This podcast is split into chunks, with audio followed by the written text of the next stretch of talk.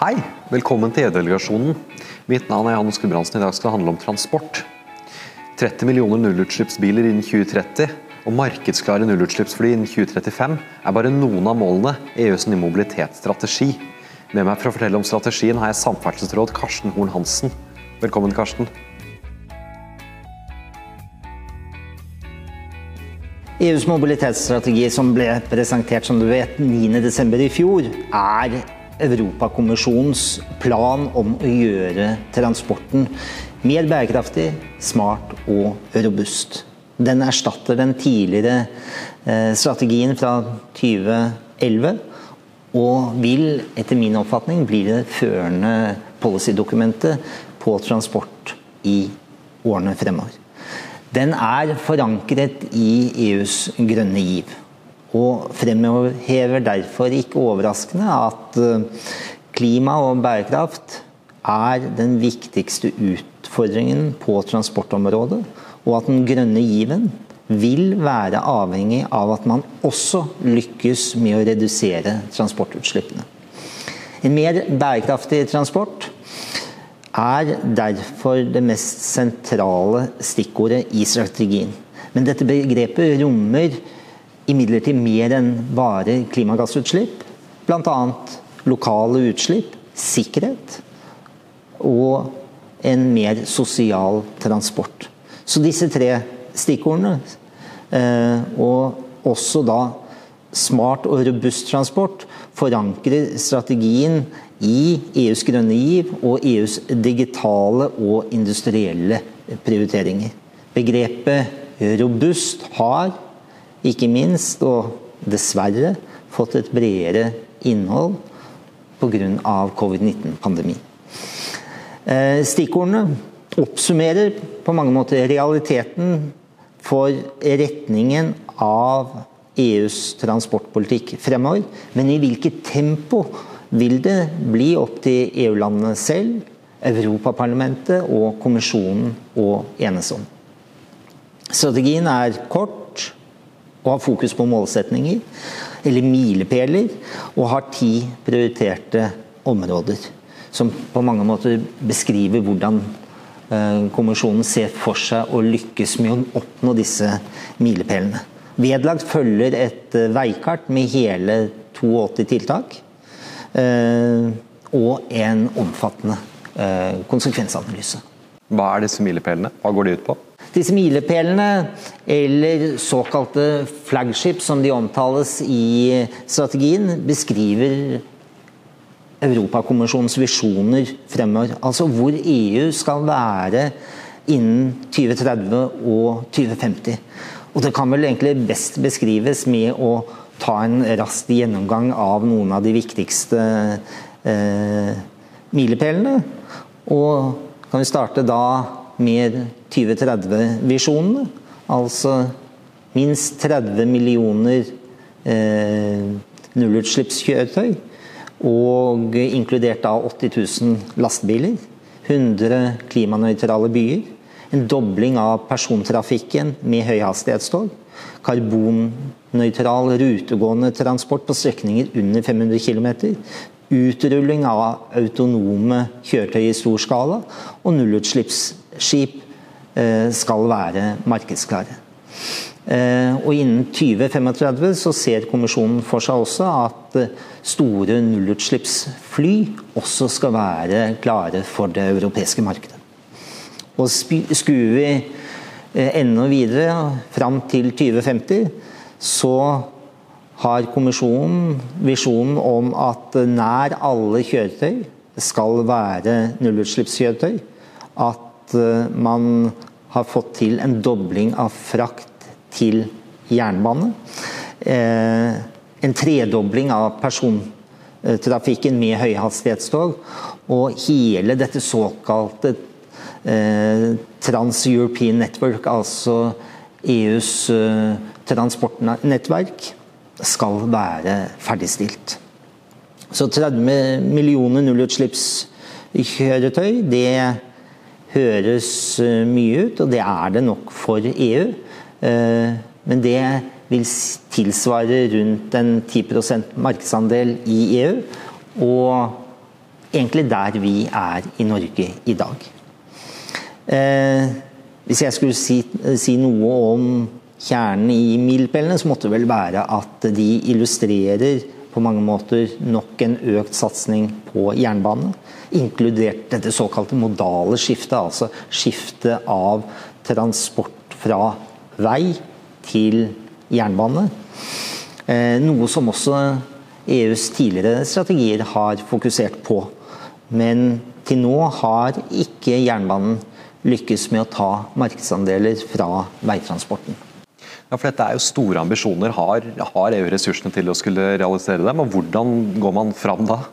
Ja, Det er et godt spørsmål. Ikke minst i lys av det jeg sa om at jernbanen til nå ikke har lykkes med å ta markedsandeler fra veitransporten. Kommisjonen vil nok her si at eh, dagens klimafokus legger grunnlaget for å lykkes. Og kanskje ikke minst nå med dette store finansieringsprogrammet, gjenopprettingsfondet, eh, som kalles Next Generation EU, med hele 750 milliarder euro i ryggen. Eh, det er et stort og nytt virkemiddel for å gjennomføre ambisjonene. Men samtidig skal vi være klar over at disse pengene som ligger i det fondet og i andre eh, finansieringsprogram fra EU, skal gå til mange gode formål i EU-landene. Eh, og i tillegg EU har, som du vet, kompetanse til å gjennomføre eh, eller til å vedta felleseuropeisk regelverk. Og det er jo i seg selv et viktig virkemiddel. F.eks for å kunne etablere et felles infrastrukturnettverk og standarder for alternativ drivstoffinfrastruktur. Også viktig for, for uh, oss nordmenn hvis vi ønsker å kjøre ut i Europa med f.eks. en elbil. Uh, og viktig for å skape større tillit i hele det europeiske markedet når man altså vurderer å gå over fra en bil på fossilt drivstoff over til en elbil. Man må vite at det fins infrastruktur for å kunne lade der man er. Og så tror jeg til slutt på spørsmålet ditt at uh, dette EUs sitt nye klassifiseringsforordning uh, for bærekraftig finansiering også vil kunne bli et uh, viktig virkemiddel for å styre transporten og transportfinansieringene inn i en mer bærekraftig retning. Eh, så det regelverket som nå vedtas på dette området, tror jeg heller ikke man skal undervurdere. Jeg ønsker bare å gå litt tilbake til selve strategien din. Ja. Eh, for Den har jo ti sånne prioriterte områder. Kunne du fortelle oss om det? Ja, det kan jeg. Altså, I tillegg til disse milepælene så inneholder da strategien ti prioriterte områder. Ehm, og De gir da en nærmere beskrivelse av eh, hvordan eh, kommisjonen eh, vil jobbe for å oppnå disse milepælene. Jeg skal ikke gå gjennom alle de her og nå, da tror jeg vi blir sittende. Men jeg har lyst til å trekke fram iallfall noen av disse prioriterte områdene som er eh, viktige. og det er eh, Et av de er, knytter seg til økt opptak av nullutslippskjøretøy, bærekraftig drivstoff og tilhørende infrastruktur, som jeg også var inne på tidligere. Og her konstaterer altså kommisjonen at dagens andel av lav- og nullutslippskjøretøy er lav. Eh, og at de varsler i tillegg altså en revisjon av disse CO2-standardene for kjøretøy. For å stille ytterligere strengere krav til bilstoffprodusentene på hvor mye man kan slippe ut av CO2 i kjøretøysflåten de produserer. Til revisjon av disse eurostandardene, som er viktig for altså hvor mye eh, lokalt utslipp sånn som NOx og partikkelmaterie kan slippes ut av kjøretøy, eh, kjøretøyene. Og en revisjon av dette direktivet man allerede har i dag på å fremme infrastruktur for alternative drivstoff, sånn som ladestasjoner, hydrogenstasjoner, eh, landstrømsanlegg osv. osv. Et annet eh, prioritert område er at havner og lufthavner må bli utslippsfrie. Eh, det fremheves i strategien her at eh, havner og lufthavner bør se hen til eh, beste praksis som allerede er, finnes rundt omkring i havner i dag. Og her henvises det spesielt til den europeiske havneorganisasjonen Espo sitt Ecoport-initiativ og den europeiske lufthavnorganisasjonen eh, ACI, eller ACI Europa sitt Airport Carbon Accreditation-initiativ. Og til og med i Norge har vi både lufthavner og havner som er med i disse initiativene. Et tredje prioritert område knytter seg til at bytransporten må bli mer bærekraftig og sunn. Eh, ha i mente at eh, man Altså at EUs miljøvernbyrå antar at hele 400 000 europeere dør hvert år, også som følge av dårlig luft, eller at dårlig luft iallfall er en medvirkende årsak til dødsfallene. Det gir litt perspektiver på utfordringene som også er i Europa. Eh, under dette punktet bytransport må bli mer bærekraftig og sunn, understreker strategien bl.a. behovet for å etablere et virkelig multimodalt system for bærekraftige og smarte transporttjenester i byene. Og inkludert altså tiltak, og igjen, for å øke transport sporten med passasjerer på jernbanen. Eh, her understrekes det også at eh, det er behov for bedre veiledning eh, rundt byplanlegging og oppdatering av byenes virkemidler. Noe som vil bli adressert i en kommende revisjon av denne såkalte bymobilitetspakken, eller bymobilitetsstrategien, som EU presenterte i 2013. Og et fjerde punkt, og til slutt der kan jeg fremheve altså under det prioriterte området en grønnere godstransport understrekes det igjen dette såkalte modale skiftet, og tiltak for bedre mobilitetsplanlegging, etablering av eh, mer hensiktsmessige fraktterminaler og revisjon av det regelverket man allerede har knyttet til fraktkorridorer for jernbanen, og hvor altså også jernbanefrakt gis prioritet i jernbanenettet. Skjønner. Du har nå nevnt eh, det grønne skiftet et par ganger. Jeg lurer på om jeg kunne spørre deg om Den europeiske mobilitetsstrategien. Spiller den på en eller annen måte inn i EUs mål om å kutte 55 mm, av karbonutslippet sitt innen 2030? Selve strategien refererer ikke til 55 %-målet, men skuer mer mot 2050-målet. Eh, og eh, der presiseres det at transportutslippene må reduseres med 90% om EU skal nå sitt mål om å bli klimanøytralt eh, innen samme år. Det forventes en stor lovpakke eh, på klima nå i juli. Og lovpakken har fått navnet Fit for 55, eller på norsk Klar for 55, og refererer seg da direkte til 2030-målet, som du var inne på.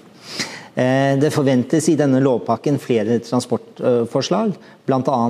revisjon av CO2-standardene for kjøretøy, revisjon av EUs klimakvotesystem på luftfart og skipsfart, og revisjon av direktivet eh, om infrastruktur for alternativt drivstoff. Så det, Der ser man igjen dette er tiltak som er varslet i strategien fra i fjor, og som ligger der noen av de første tiltakene som vil bli sluppet nå i 2021. Men Du har også nevnt TNT. Hva er det for noe, og deltar Norge i TNT? Ja, TNT, som står for det transeuropeiske transportnettverket, det er et langt ord, eh, er EUs store ambisjon om en sammenhengende transportinfrastruktur i Europa. Og dekker både luftfart med lufthavner, havner og eh, landtransporten.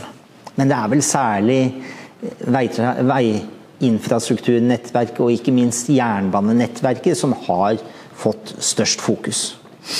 I mobilitetsstrategien som vi snakker om nå, så understrekes det at dagens planlagte nettverk må ferdigstilles innen 2050. Dette er en av de store prosjektene eh, for EU som sådan uavhengig av transportfeltet. Et av de store, ambisiøse prosjektene eh, til EU som sådan. Viktige delstrekninger innenfor det såkalte kjernenettverket, som skal ferdigstilles allerede i 2030, er imidlertid forsinket. og Det skyldes bl.a. manglende finansiering og eh, administrative prosesser.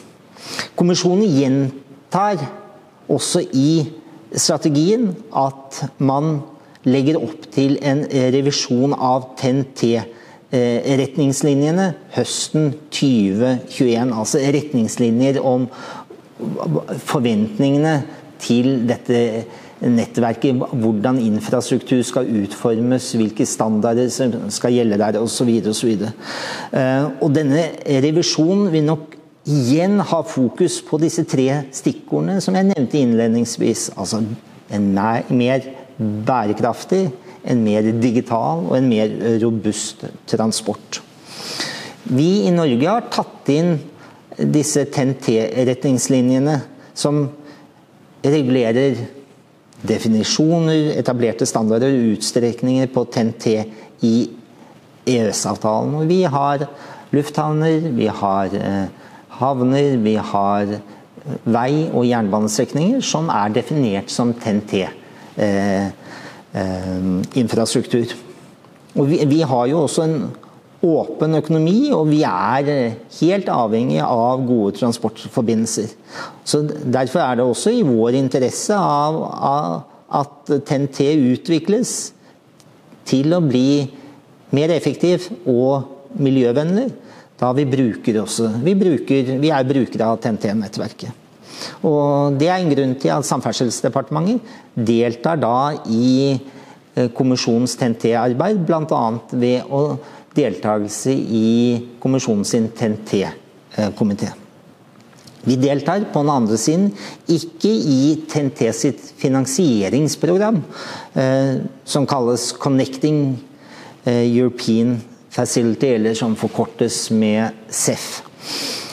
Og Derfor bidrar heller ikke EU til finansiering av norsk TNT-infrastruktur. Eh, Vi har heller ikke signalisert et ønske nå om å delta i det nye CEF-programmet som etableres med EUs nye langtidsprogram. Og Det skyldes enkelt at eh, vi mener at det er mest hensiktsmessig å planlegge og prioritere gjennom vår egen nasjonale transportplan. Og finansiere altså eh, vår infrastruktur gjennom statsbudsjettene. Men, eh, men, hva med deg oppi dette? Hvordan jobber du med alt det vi har pratet om hittil?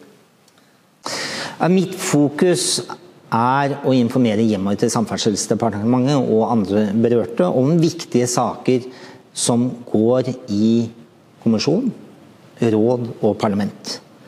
Ehm, og også på den andre siden eh, viderebringe norske syn inn mot disse institusjonene.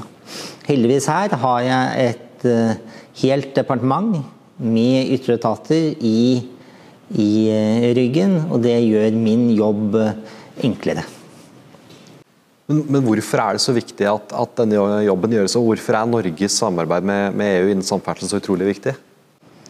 Jo, Det er viktig fordi samferdsel er del av EØS-avtalen. Og det innebærer at EUs transportregelverk i form av forordninger og direktiver etter at de blir tatt inn i EØS-avtalen, også blir gjeldende for Norge. Så er vi jo også del av et Europa og avhengig av gode transportforbindelser eh, frem og tilbake til Norge. Eh, enten det gjelder land, luft eller sjøtransport. Og vi ser at det er en økende utvikling, ikke minst på standardiseringsarbeidet. Altså på f.eks. nå, nå sitter man og diskuterer altså en felles ladestandard på, uh, for busser. Veldig viktig for altså en norsk kommune som er i ferd med å, å bytte ut sine fossile drivstoffdrevne busser over til elbiler. Da mobilitetsstrategien ble presentert i desember i fjor, sa jeg noe slikt at Norge er godt posisjonert til å møte ambisjonene i strategien. Ikke minst fordi at vi allerede har kommet langt på null- og lavutslippsteknologi. Eh, og på temaer som trafikksikkerhet og på bymobilitet. Og en felles europeisk løft for en smart og bærekraftig eh, transport er positivt både for EU og Norge. Og Skulle jeg lagt noe mer til, så måtte det være noe sånt at mobilitetsstrategien, med de kommende tiltak, kan bidra til at vi lykkes bedre på transportområdet. Og for å gjøre altså hele transporten mer bærekraftig, mer smart og robust. Samtidig er det viktig for oss å påse at eh, strategien, og da ikke minst de kommende tiltak, eh, reduserer vårt handlingsrom for eh, Eller med tanke på tiltak som vi mener er mer hensiktsmessige for oss. Det kan ikke minst knytte seg til altså klimatiske forhold. Eh, altså hvordan EUs løsninger vil funke i et land med barske forhold, sånn som i Norge. Da ønsker jeg å si tusen takk for at du med og stilte opp her, Karsten. Tusen takk for eh, at jeg fikk lov til å komme hit i dag.